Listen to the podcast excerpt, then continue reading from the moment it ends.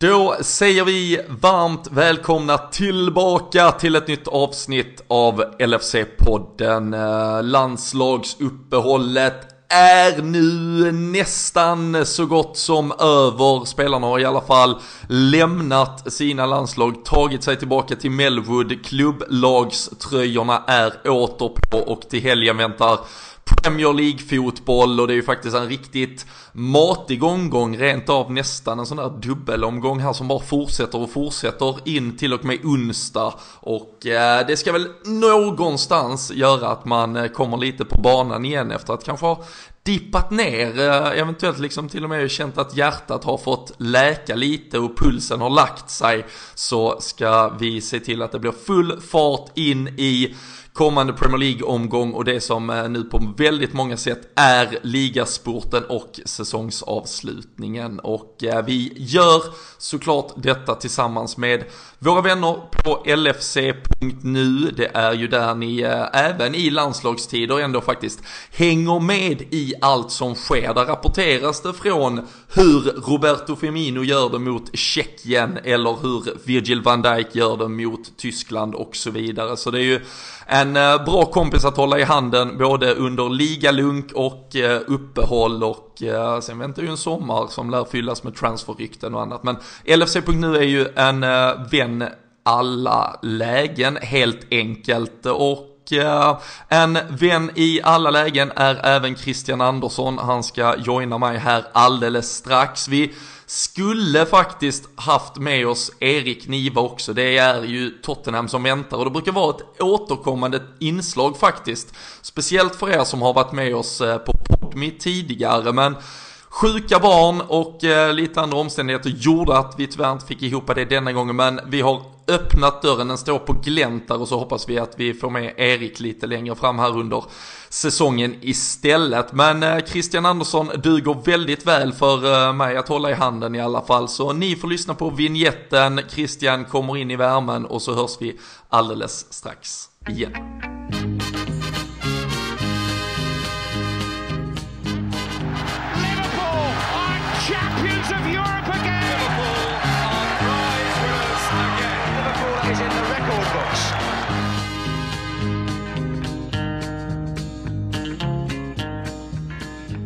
En uh, vän att uh, hålla i handen, en uh, vän att ha i famnen Christian. Du och jag får värma oss när nu Erik tyvärr inte kunde joina oss. Men det ska väl vi kunna ha lika trevligt åt ändå.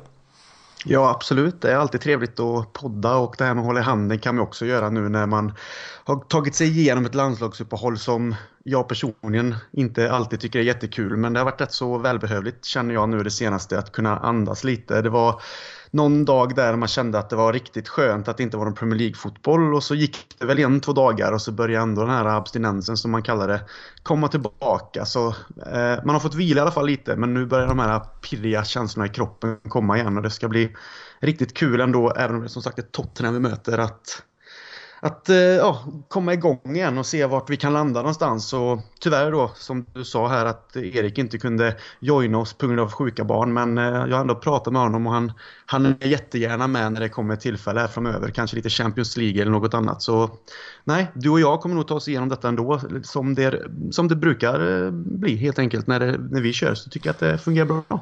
Ja men det, det är ju självklart att vi ska, ska göra det och eh, nej, men det är ju spännande tider annars eh, för Tottenham om vi bara snabbt eh, blickar framåt där. Nu har de ju äntligen fått sin nya arena på plats så där, eh, där finns ju lite att eh, höra om hur tankarna går och eh, de har ju dessutom, vilket vi verkligen kommer komma in på ett ja, men satt sig kanske i ett lite mer prekärt läge än vad de nog trodde för ett par veckor sedan. Så de kommer ju verkligen till Anfield med eh, väldigt mycket eh, i deras eget eh, liksom, eh, bagage eller liksom i sin egen låda här att, att spela för. Så eh, det är ju en fantastisk eftermiddag på alla sätt och vis vi har att eh, vänta på söndag helt enkelt. Eh, Landslagsuppehållet, vi ska inte fastna allt för mycket. Har du fyllt det med någon fotboll, eh, sett några Liverpool-insatser, sett det svenska landslaget eller har du liksom eh, skärmat av och eh, helt och hållet låtit fotbollspulsen vila?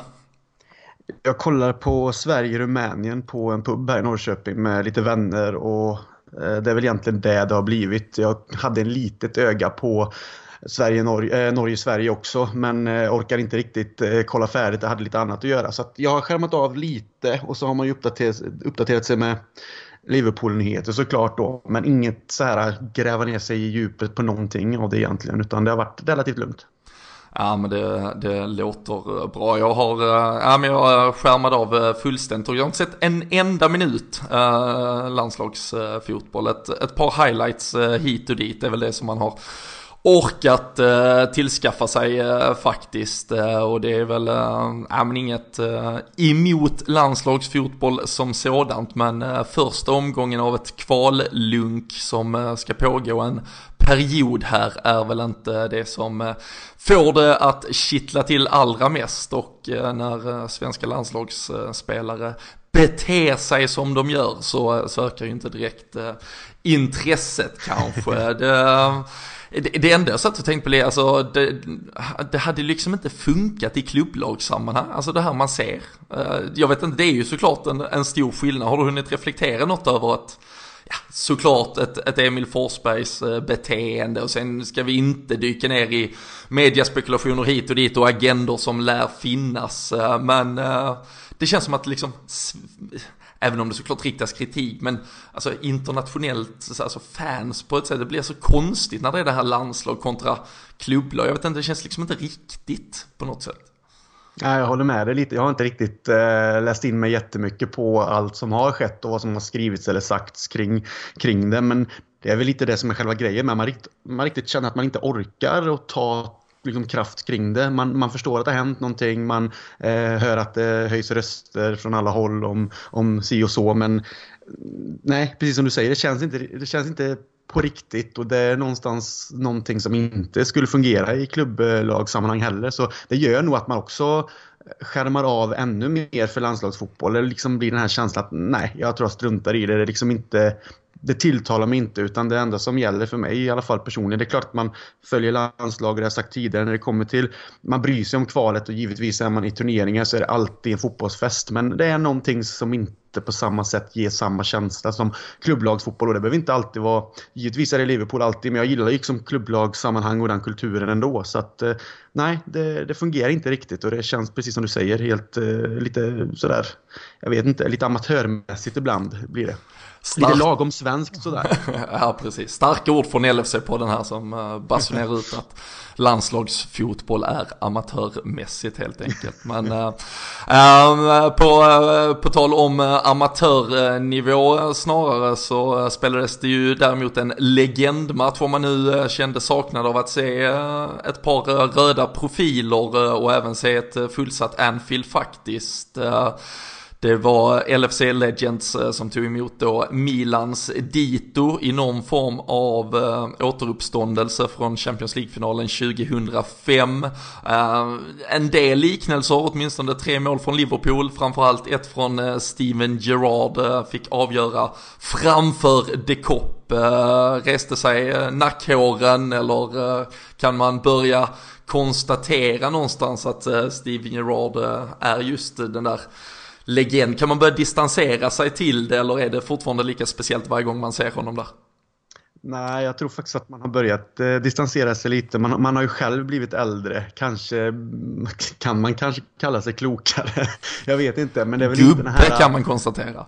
Ja, men det är väl inte kanske om man ska ändå se det med de ögonen att det, inte, det kanske inte är den här lika barnsliga och uh, ungdomliga eh, alltså, synen på det och supporterskapet man hade kanske man både var yngre och under den tiden jag var i England med. Man, nästan, man var lite som ett barn på julafton varje gång. Idag känns det ändå som att man har tagit några steg eh, själv i livet på det sättet och man har en mer eh, en annan syn på att se det. Så att Gerard kommer alltid vara den stora hjälten, min stora fotbollsidol, han som egentligen fick mig att älska fotboll på riktigt. Och Liverpool såklart med den resan man fick vara med och göra också på plats. Men någonstans har man väl nu börjat koppla loss honom och veta att han kommer alltid vara en legend och en av de bästa i, i klubben och vara en, en av de bästa ambassadörerna kanske i framtiden med. Och kanske en, en eh, tilltänkt manager i framtiden efter en Klopp eller så vidare. Men eh, det känns som att vi är ett lag nu som är helt annorlunda jämfört med liksom Gerard-eran också. Vi har andra slags spelare, vi, har, vi spelar på ett annat sätt, vi byggs på ett annat sätt. Så att man har nog kopplat ifrån allt det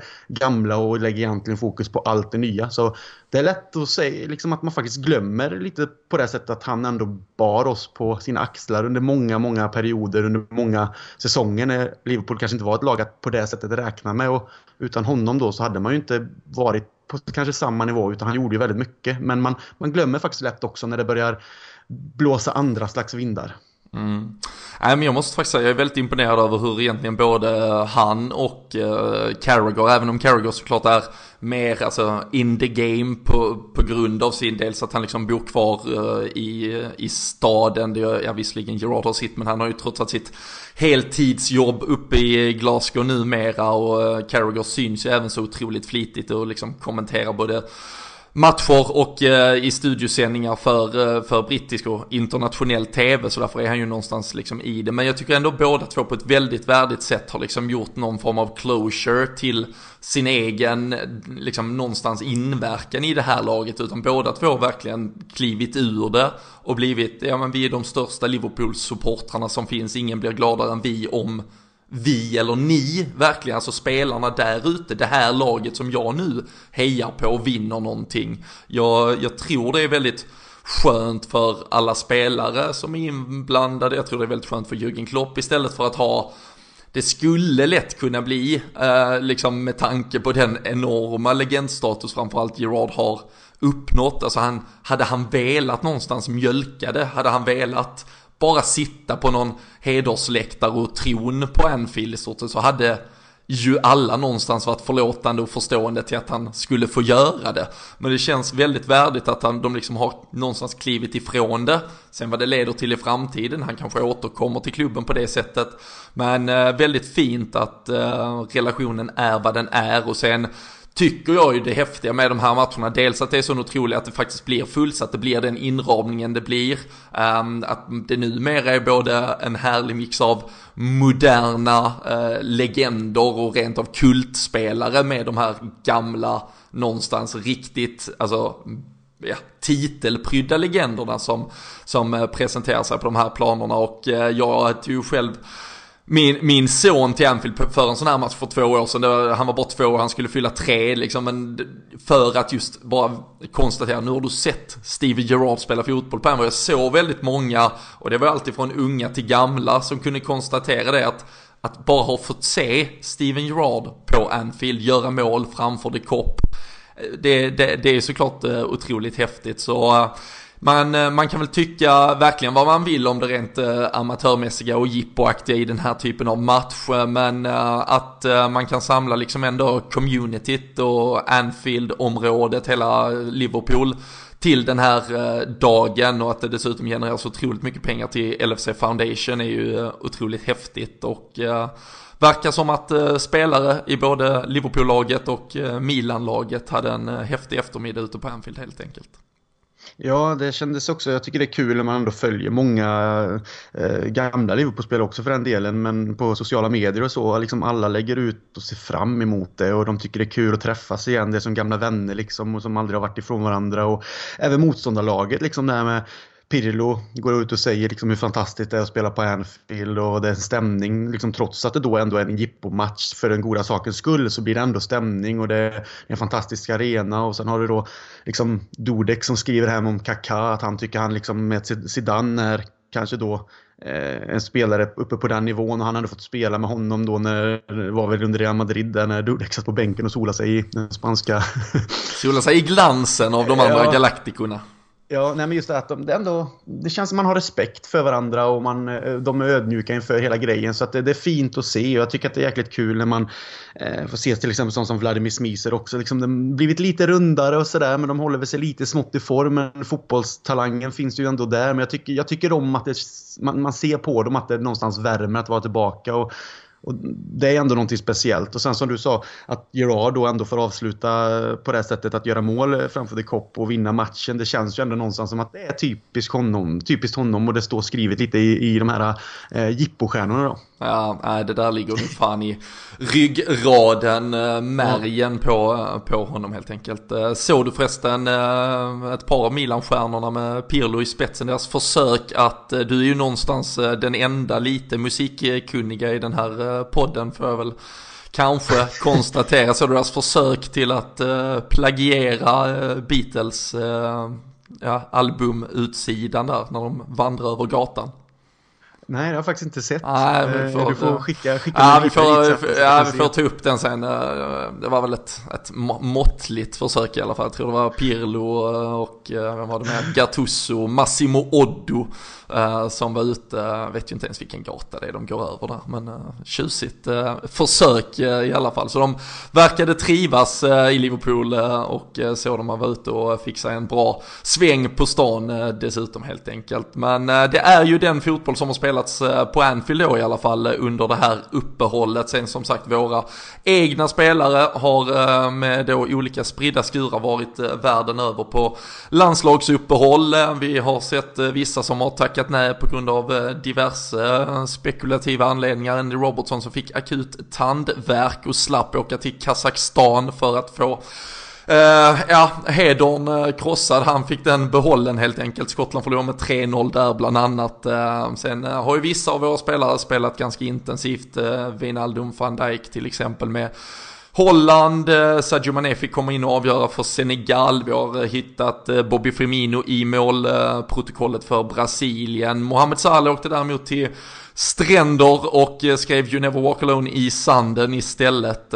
Kanske hoppas att han har vilat fram storformen nu helt enkelt. Han hade ju ganska trevlig eh, match mot eh, Tottenham på Anfield eh, förra gången. Det var ju verkligen en galen match den gången Christian. 2-2 jag tror Ingen har glömt framförallt slutet där man flög upp i taket av glädje när Mohamed Salah jag gjorde egentligen bort varenda Tottenham-spelare i eh, straffområdet innan han eh, på något sätt lyckades tåa upp den i nättaket i stort sett. Eh, och sen så stal ju linjedomaren showen när han vinkade fram en straff. Ehm, det väcker lite känslor att börja tänka tillbaka på den där matchen.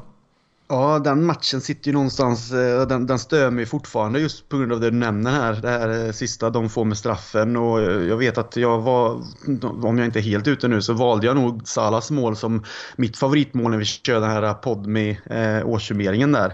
Eh, eller om det var vilka vi skulle ta ut, vilka vi tyckte var bäst och så vidare. Så det målet sitter ju ändå kvar som en sån här, på näthinnan som en fantastisk prestation av Sala. Men sen så blev det ju ändå eh, liksom en sur smak eh, efteråt på grund av det som skedde. Och nu känns det som att vi har möjligheten kanske i det läget vi eh, har i ligan ändå. Att man kanske kan ställa det till rätta så att säga. Att visa att vi skulle egentligen vunnit den matchen enligt mig. Eh, och ehm, nu kan vi faktiskt gå ut och kanske då på något sätt visa att ja, vi skulle vunnit den så nu, nu vinner vi den här och ta ännu ett grepp om, om kampen som, som kommer. Ja men eh, så är det ju och eh, den här matchen, eh, alltså mötena mot Tottenham, det känns som liksom det har bubblat upp.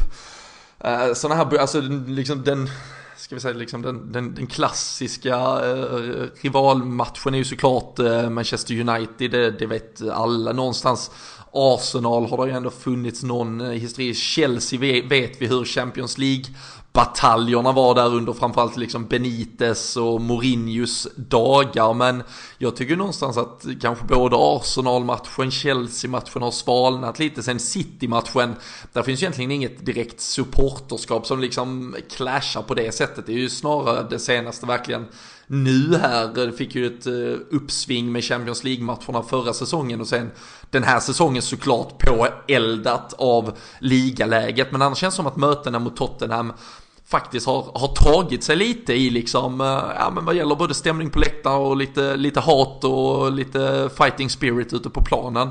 Håller du med om att den ja, har blivit något den kanske inte var för ett par år sedan? Ja, men jag håller med dig där. Jag, och det kan jag relatera till under mina år i England med. Att jag tyckte liksom att det faktiskt växte sig starkare och starkare redan då varje säsong.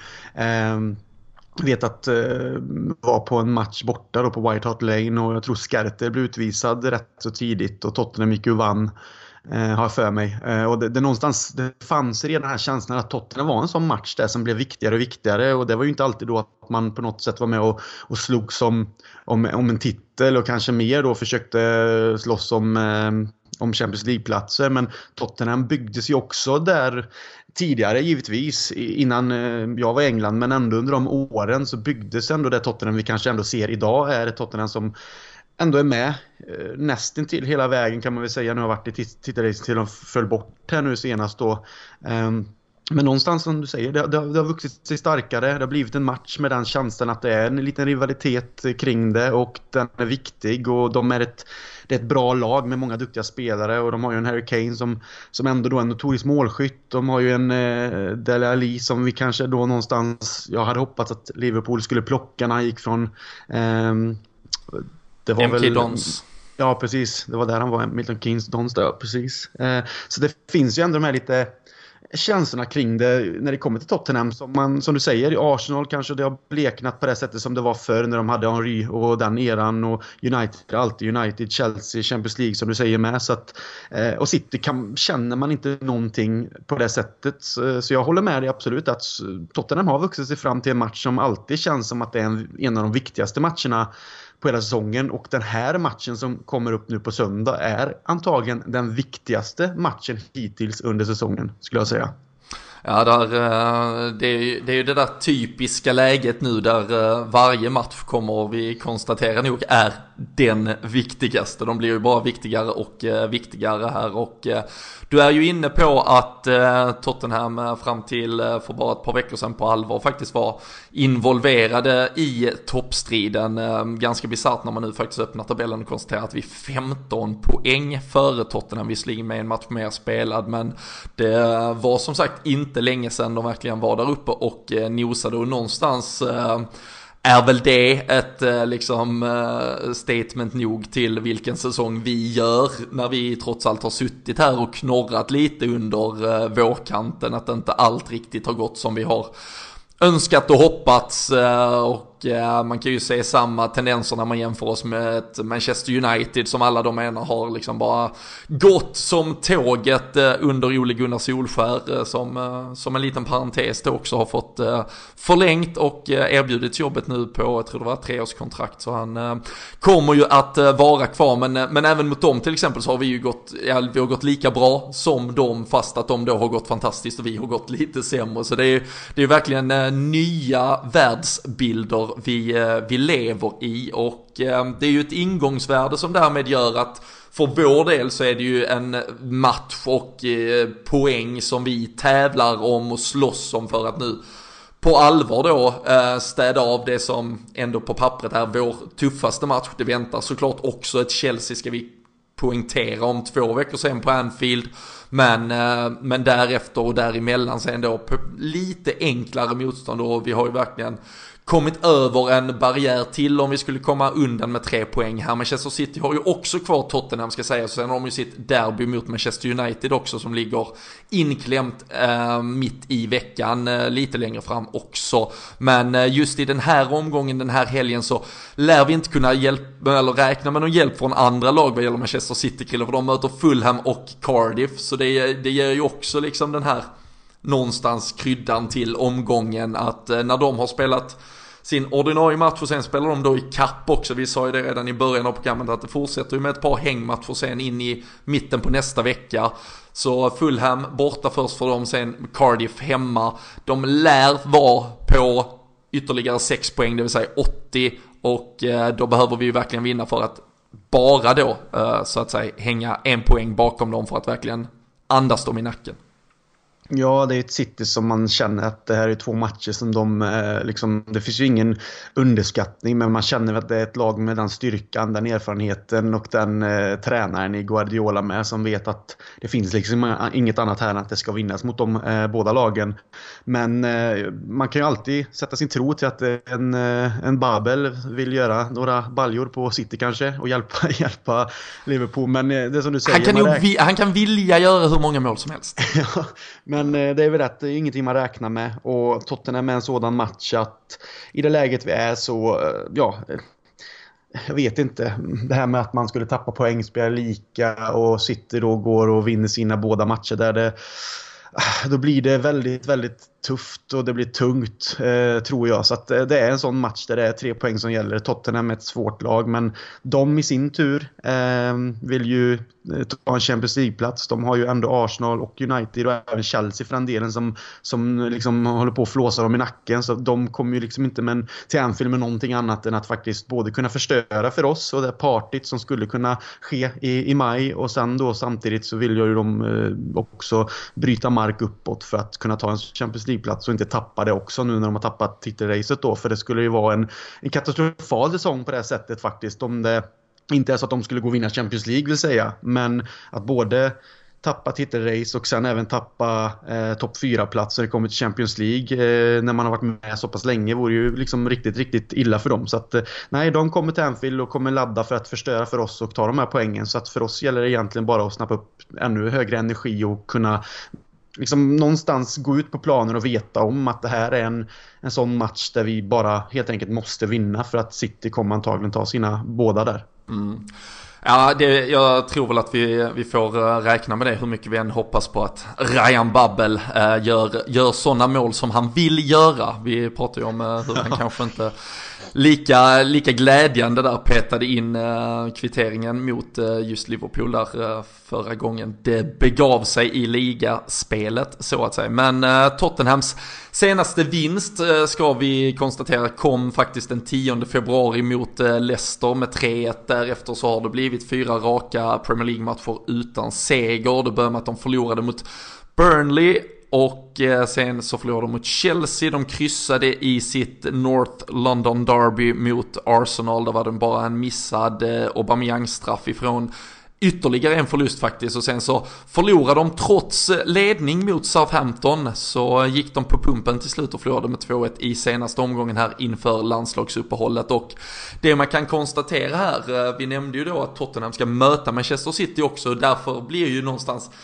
skulle vi vinna Alltså det blir, antingen blir det nästan egentligen dubbel fördel för oss, för vinner vi så, så har de ytterligare ett incitament till hur otroligt viktig deras match mot City kommer att bli i mm. just den här topp 4-striden. Medan om vi förlorar så har de eventuellt skaffat sig lite andrum för att den där City-matchen inte är lika viktig. Så det, det är ju verkligen vår chans att sätta ner foten både mot Tottenham och någonstans ge City en ännu tuffare motståndare om ett par veckor. Ja, och det är ju det som är, det är lite jobbigt när du faktiskt beskriver det sådär att det liksom är en match där de liksom, om vi vinner så ger oss eh, nästan ett bättre läge sett att Tottenham då ska spela mot City. Men skulle de gå och vinna eller kanske för den delen även bara ta poäng så blir kanske City-matchen en helt annan, eh, liksom, ja vad ska man kalla det, mentalitet och, och eh, liksom intresse på det här sättet Sen är det professionella fotbollsspelare i såklart lag där man alltid går in för att vinna. Men ändå, att som du säger, vinner de lite mark så, så nej, så det, den är oerhört viktig och jag kan personligen tycka att det är lite jobbigt att vi spelar då på en söndag kväll eller sen eftermiddag eh, när alla andra lag typ har spelat. Och man går liksom bara och väntar på det här och vill ju inte på något sätt att helgen ska slutas med den här liksom tunga känslan och huvudet hänger att det har gått åt helvete. För jag vet inte, man, man är så pass där uppe nu och i det här att vi är så nära återigen efter ett antal år sen senast det begav sig att faktiskt kunna ro hem en Premier League-titel. Och ja, ju längre tiden går och ju äldre man blir och ju mer man är med i de här sammanhangen som tar mycket energi, lika mycket som det ger, så tar det i alla fall för mig väldigt mycket också.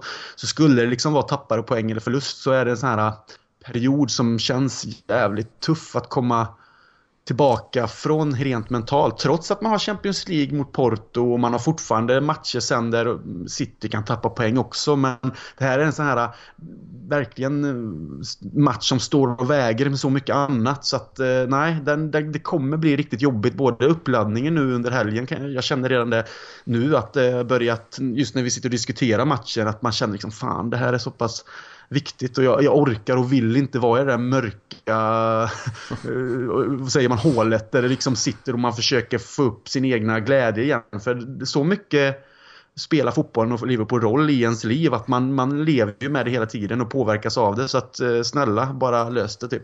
Ja, ett, eh, ett tips till alla är ju att man ser till att sådär eh, umgås med familj och sånt på fredagskvällen och lördag när man fortfarande är glad. Men man vet aldrig hur stämningen kommer att vara söndag kväll sen liksom. Och då ska man gå in i en jävla skitvecka därefter om det skulle behöva vara läget. Men jag tycker vi ska gå in med ett uppumpat bröst. Vi ska gå in med en jävligt god feeling och eh, även om förra matchen eh, där på Anfield då någonstans kändes som en förlust med tanke på sättet den avslutades på. Det var som sagt den här linjedomaren som vinkade fram en straff eh, trots att John Moss eh, av alla och hur usel han än är i övrigt faktiskt först hade signalerat en washout att eh, nej, det där är inget, jag har sett situationen. Så lyssnade han till den blinde där på sidan och eh, vinkade fram en straff som eh, Harry Kane efter att ha missat en straff eh, ett par minuter tidigare då eh, tryckte in och eh, avslutade matchen och skrev det till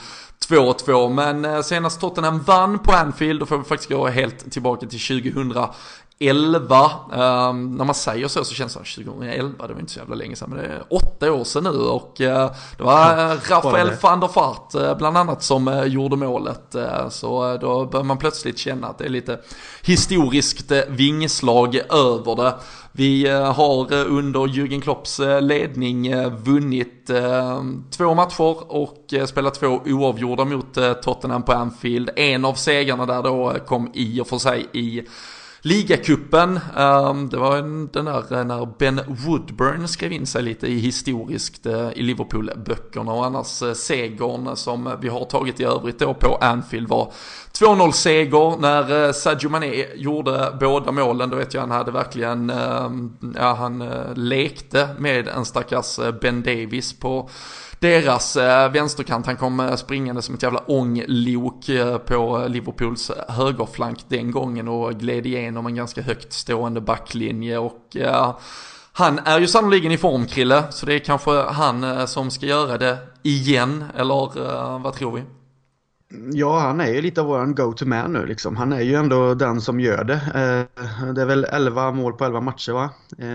Nu som han har gjort och han är ju sin livsform egentligen så det har ju som sagt börjat ryktats både hunnit ryktats om det här med att Zidane och eh, vill ha honom till Real Madrid och även då någonstans fastslaget att det inte blir så. Vi får ju se vad som, vad som sker men han drar ju blickarna till sig och man kan ju inte säga annat att han håller liksom världsklass just nu och det är väl tur ändå när Salah inte riktigt har fått det att fungera målmässigt. Jag tycker ändå att han är med och, och bidrar i matcherna, inte minst då när vi var i München så gjorde han ju en bra match där med assist och liksom drar på sig mycket eh, försvarare och så. Men just Mané då avlastar ju honom i det här läget i, av ligan att faktiskt göra de här viktiga målen nu till exempel mot Fulham och ordna även straffen. Så nej, det är väl han man får förlita sig lite på känner jag att eh, hans form som får någonstans bära fram de andra. Sen hoppas man ju att de ska, både Firmino och Sala och hela laget egentligen. Nu har ju Liverpool inte varit dåligt på något sätt men just att det kanske ska eh, ändras, att vi slipper ha en spelare som gör jobbet för oss. För man vet ju aldrig. Eh, det kan sluta, det kan bli en skada, det kan hända andra saker. Så man behöver ändå ha de andra på tårna också. Så att eh, Eh, Mané hoppas jag tar eh, som sagt eh, fronten och eh, visar var skåpet ska stå. Sen hoppas vi väl nu kanske den här vilan som Salah har fått där på stranden med kokosnötter och blått vatten kanske kan bidra till att han har funnit lugn och slipper den här stressen att han behöver göra mål och så kommer det naturligt istället. Så Nej, jag känner väl att vi, vi Liverpool är i en, en form ändå från tidigare. Även om förra matchen var lite svår så går vi ändå och vinner den matchen. Och det är ett så här viktig, viktigt statement på det sättet. Att man ändå tar de tre poängen på det sättet och visar att man ändå ska vara med. Men jag känner ju precis som du säger det här med att Tottenham har inte vunnit på Anfield så pass länge. Eh, de kommer också egentligen från dålig form sett till de matcherna att de har förlorat då mot ett Southampton där tidigare och inte vunnit sedan, vad sa du, i februari? Ja, början av februari. Så att det blir ju ändå någonstans så att vi, vi är ju det laget som faktiskt har en slags form och spelare som nu är liksom håller i världsklass i Mané.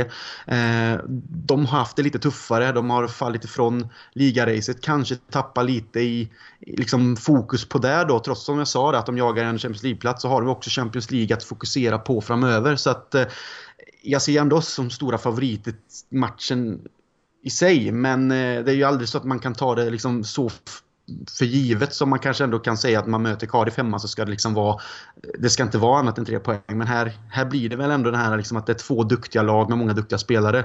Så känslan är såklart att vi vi är favoriter men det är ändå Tottenham och då, då blir det ändå som sagt de här nerverna som kommer att landa någonstans i magen och som kommer fortsätta vara jobbiga fram tills att det är kickoff.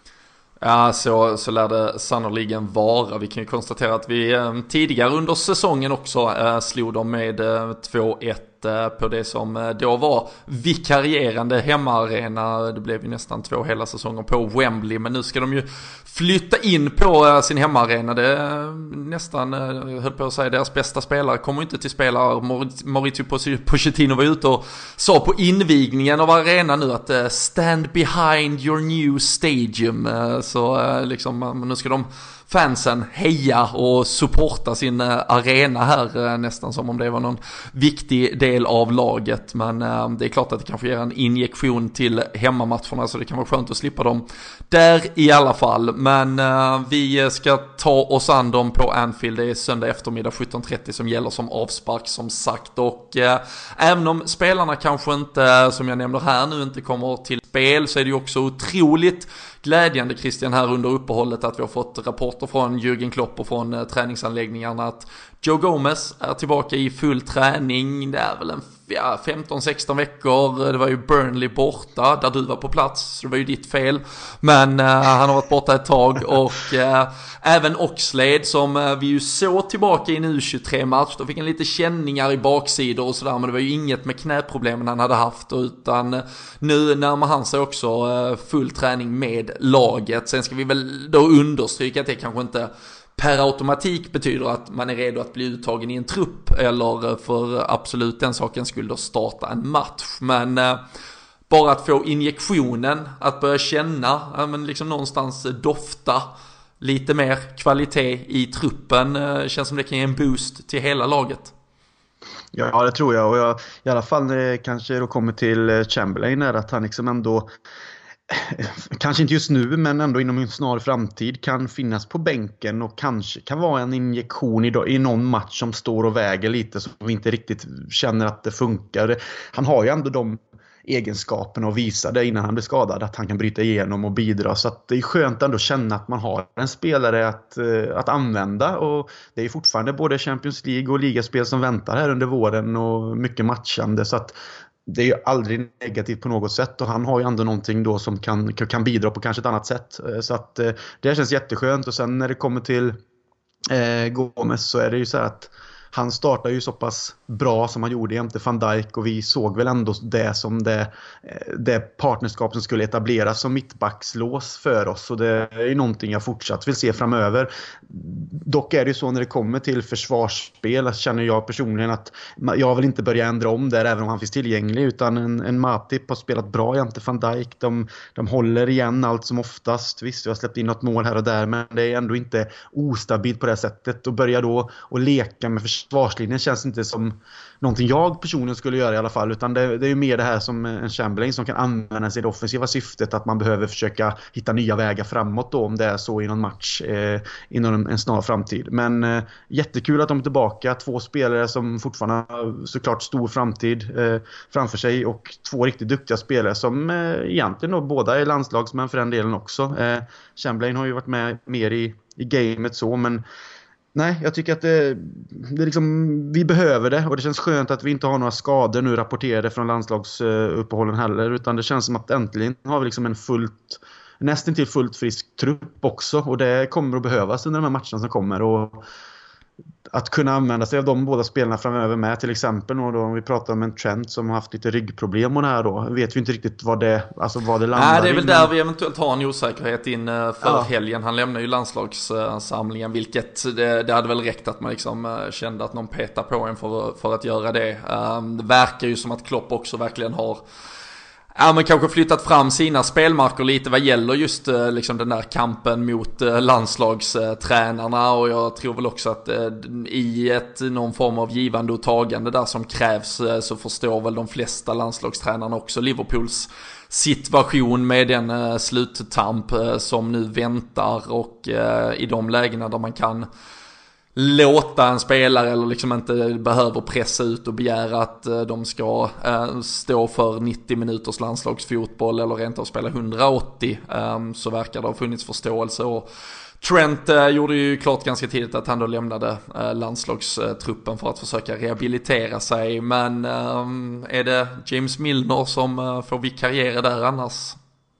Eh, jag tror ju det, men det är därför jag ändå någonstans kan tycka som vi pratar Gomes att det är skönt att han är tillbaka. För även om vi, vi sagt att vi, vi, inte gillar honom lika mycket som en ytterback, högerback då i, i det här fallet, så finns han ändå tillgänglig för om det skulle vara att det krävs av någon anledning att man behöver göra om lite. Då finns det ändå ytterligare en försvarsspelare med, eh, liksom, som är en väldigt duktig spelare och var liksom den, en av de bästa mittbackarna tillsammans med van Dijk när han spelade i början där. Och vi har ju suttit och hyllat honom sen tidigt, att han har allt som krävs så att jag tycker det är jätteskönt att kunna ha alternativen nu när Trent har haft lite känningar. Vi får se vad som sker. Jag har inte läst någonting om att han, alltså, vad som gäller inför söndag, men det är en osäkerhet. Men då har vi ändå en James Milner som antagligen kommer vikariera, men det finns också en Gomes lite längre fram som kan hjälpa till också om det är fortsatta problem för eh, Trent. Vilket jag inte hoppas såklart, men då finns det ändå lite backup på, på den platsen. Ja men så, så är det ju. Jag tror, eh, jag tror inte heller att eh, Joe Gomez är eh, redo att spela till helgen om, även om det skulle så att säga behövas i en eventuellt frånvaro från Trent. Ehm, I så fall lär vi få se en James Milner som går ner och vikarierar. Han höll formen så han var i Dubai och spelade golf och sprang och skötte sig. Superkroppen håller topptrim även när han tackar nej till landslagsuppehåll. Eh, Adam Lallana, en annan spelare som stal väldigt mycket rubriker eh, under eh, sluttampen här inför då landslagsuppehållet. Han fick ju starta både matchen mot Fulham och eh, dessförinnan mot eh, Burnley i eh, ligaspelet. Eh, jag såg att han hade varit i Bahamas och klappat grisar. Så det är ju spännande att följa hur de olika spelarna eh, bejakar sina landslagsuppehåll. Men vad tror vi där när det nu någonstans ja, blir, det är ju en toppmatch här då, tittar vi på den där veckan, eller ja, dryga veckan inför uppehållet och fick Lallana starta i de på pappret då två lättare matcherna där vi någonstans skulle föra spelet. Sen gick ju Klopp tillbaka till det där arbetarmittfältet mot eh, Bayern München även om Jordan Henderson fick ersättas ganska tidigt av Fabinho. Hur tror du hans resonemang går på i mittfältstankarna och konstellationen inför matchen mot Tottenham? Eh, eftersom Milner antagligen spelar eh, högerback då, eh, om det är så att Alexander Arnold inte kommer till spel, så jag hoppas ju då att det är ett mittfält med Fabinho, Wijnaldum, Henderson i så fall. Henderson har gjort det bra för England nu, liksom kommer ändå kanske då med både självförtroende, boost och även liksom en bra form. Och Fabinho tycker jag är så pass viktig på det sättet som han ändå har tagit sig an sin roll i laget när han har börjat komma in i det och sen Wijnaldum är ju en sån arbetshäst på det sättet. Så det är väl egentligen det mittfältet som jag, jag hoppas på nu i förhand om man får välja ett som skulle fungera mot Tottenham också för den delen. Och sen vet man väl ungefär hur det ser ut runt omkring men det mittfältet är, är det som jag hade i alla fall satt på planen om jag hade fått bestämma. Ja, vi ser en eh, Nabi Keita som, eh, som spelade den här matchen eh, alltså på, eh, på Wembley när vi mötte dem förra gången som, eh, som gjorde det väldigt eh, bra då, men det har ju varit en, en ja, ganska märklig eh, situation eh, för honom nu här. Så eh, vi får väl se vad Klopp egentligen eh, väljer eh, och hur han tänker och resonerar. Tror du vi ändå liksom går ut och förväntas ta någonstans taktpinnen och spela, liksom vara spelförande här eller förväntar du dig en böljande match? Jag hoppas ju att vi någonstans ändå ska gå ut och visa att vi vill det här så jävla mycket. Att vi tar tag i en taktpinne. Men samtidigt får vi inte bli Eh, Eh, naiva i det tänkandet att vi ska liksom gå ut och sopa dem av banan heller. För att det är ett farligt Tottenham med en sån som jag tycker är livsfarlig. Eh, snabb och liksom yvig att spela mot. Går in och ut och så har du en Harry Kane som egentligen kan göra mål på vad som helst. Och Eriksen, eh, Ali som vi pratade om innan. De har väldigt skickliga passningsspelare i laget. De har Eriksen kan göra mål utifrån.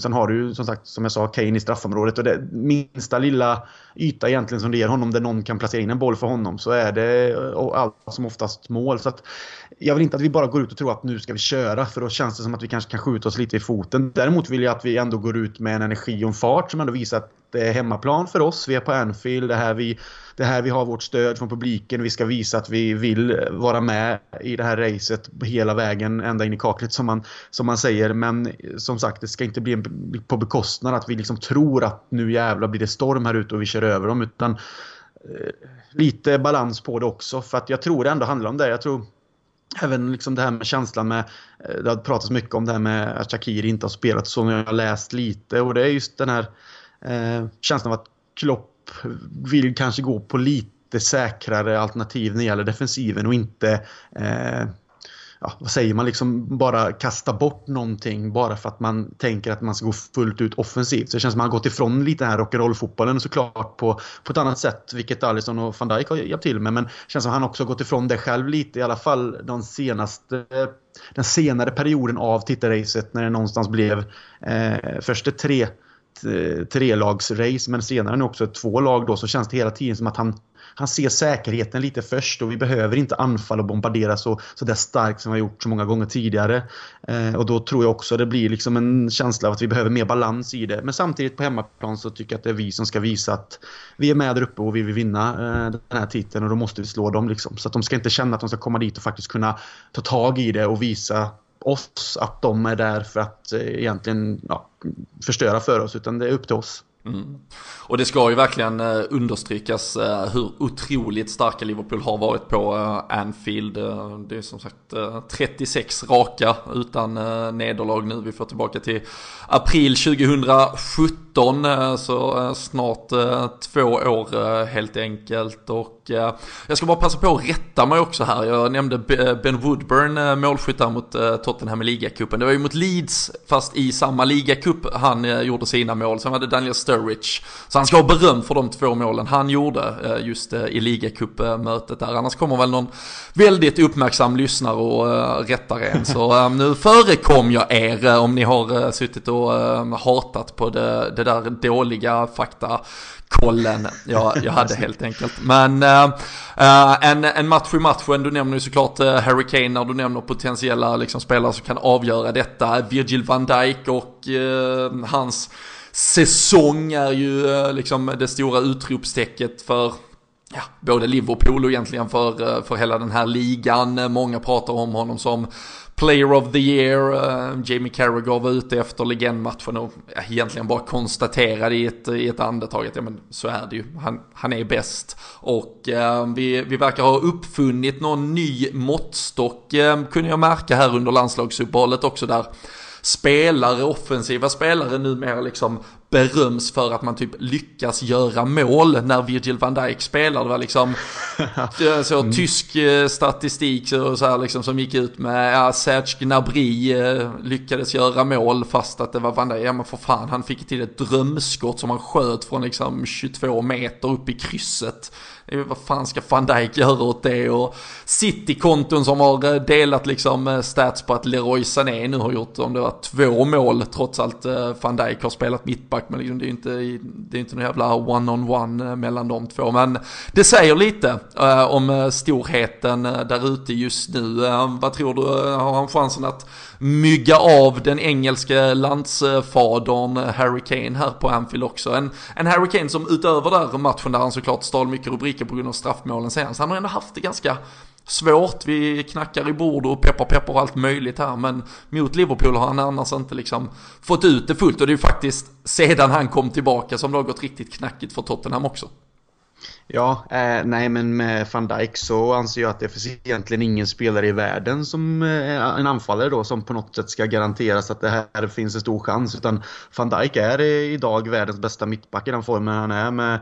Eh, och i defensiven, han är så jävla följsam och eh, snabb i tanken och stark och allt det här. Så att han kan absolut plocka bort en Harry Kane. För mm, man kan prata om Harry Kane, han är en smart spelare. Han rör sig på ett sätt också när det kommer i straffområdet till att skapa sig lägen. Han är ju en avslutare av klass. Men jag tycker ändå inte att han är den typen av spelare som kan man liksom någonstans blockera bort honom och liksom för han ur matchbilden så tycker inte jag han är en spelare som på något sätt kan förändra det utan han är en spelare som alltid finns där och bara är en målgörare, likt en Alan Shearer egentligen. Eh, jag tycker inte att Kane har någonting direkt speciellt. Han är bara en naturlig målskytt och sen rör han sig smart. Och det hade vi också en spelare, Ian Rush, för som var egentligen likadan, snabb och eh, visste vad han skulle vara, gjorde massa mål.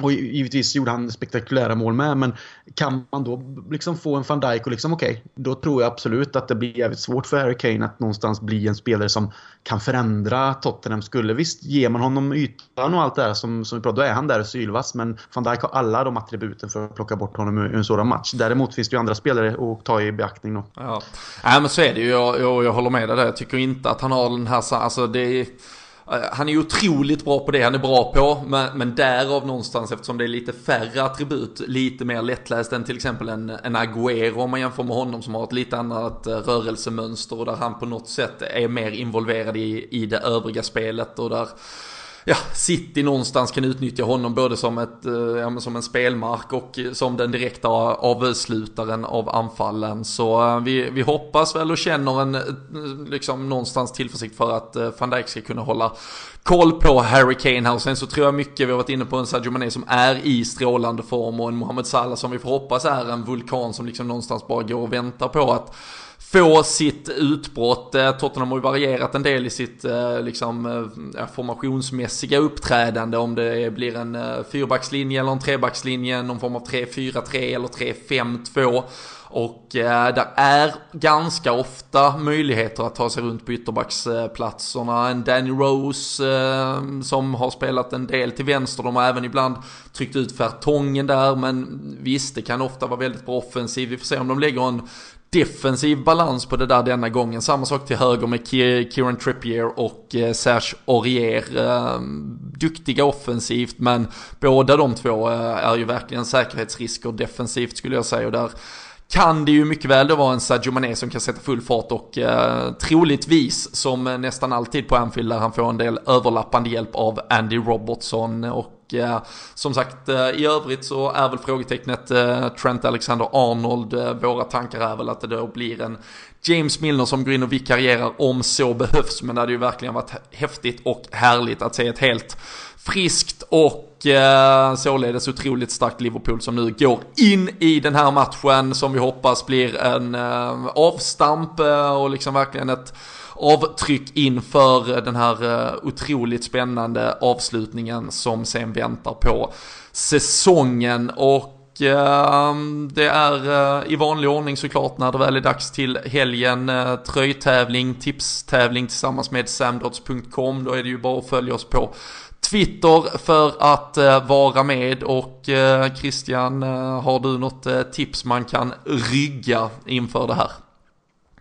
Oh, ja det är ju det där. Eh, svårt det där men eh, eh, min magkänsla som jag får, någonstans ändå får landa i och gå på det är väl ändå att Liverpool, de vet de vet hur viktigt det här är nu och jag känner väl någonstans att kanske en sån spelare som man är i sin form någonstans leder den vägen och att det kanske kan släppa både för kanske Firmino eller Salah. Så jag säger 3-1 till Liverpool.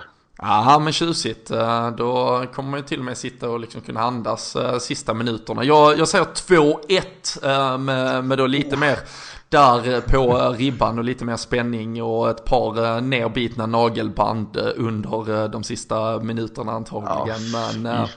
Ja men vad fan, Premier League är tillbaka i helgen. Äh, det är det äh, vi ska glädjas åt och så får vi helt enkelt se vad fasiken det blir av det. Men vi går in med öppna sinnen, uppumpade bröst och en god feeling. Det är ett Anfield som är skådeplatsen och som sagt Liverpool är otroligt starka i den där borgen. Vi har slagit ett Arsenal, vi har slagit ett United och eh, nej, vi eh, ska mycket väl kunna göra något eh, väldigt bra mot Tottenham här också. Vi har slagit Napoli, vi har slagit PSG, herregud, vi har slagit de flesta på den där fantastiska ja, ja, man, arenan. Vi får, ju, vi får ju liksom njuta av det som är. Så att ibland blir det ju att man låter kanske lite så här, åh, man är inte rädd. Men det är ju den här känslan av att tappa någonting. Men samtidigt under som det faktiskt pågår får man ju inte glömma att man ska vara mitt i det och njuta av hela den här resan. För det är underbart att vara med i sådana här sammanhang där City är ett sånt lag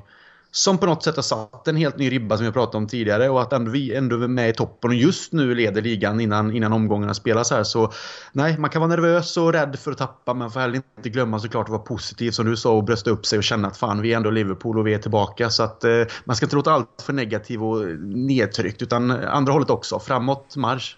Absolut. Eh, med de orden avslutar vi tycker jag och eh, så sätter vi fullt eh, sikte mot helgen och nu när det här landslagsuppehållet någonstans är nerpackat så är det ju otroligt intensivt matchande som väntar. Det blir såklart därmed också otroligt intensivt eh, poddande. Vi har som sagt en dörr på glänt eh, för att få hit Erik eh, Niva lite senare istället. Fick han inte surra sitt kära Tottenham, men det kanske var bra det. Då hade vi väl haft ett fyra timmars avsnitt här kanske. Så nu kan ni vila öronen istället. Ni kan se till att komma i form inför helgen och så hörs vi snart igen.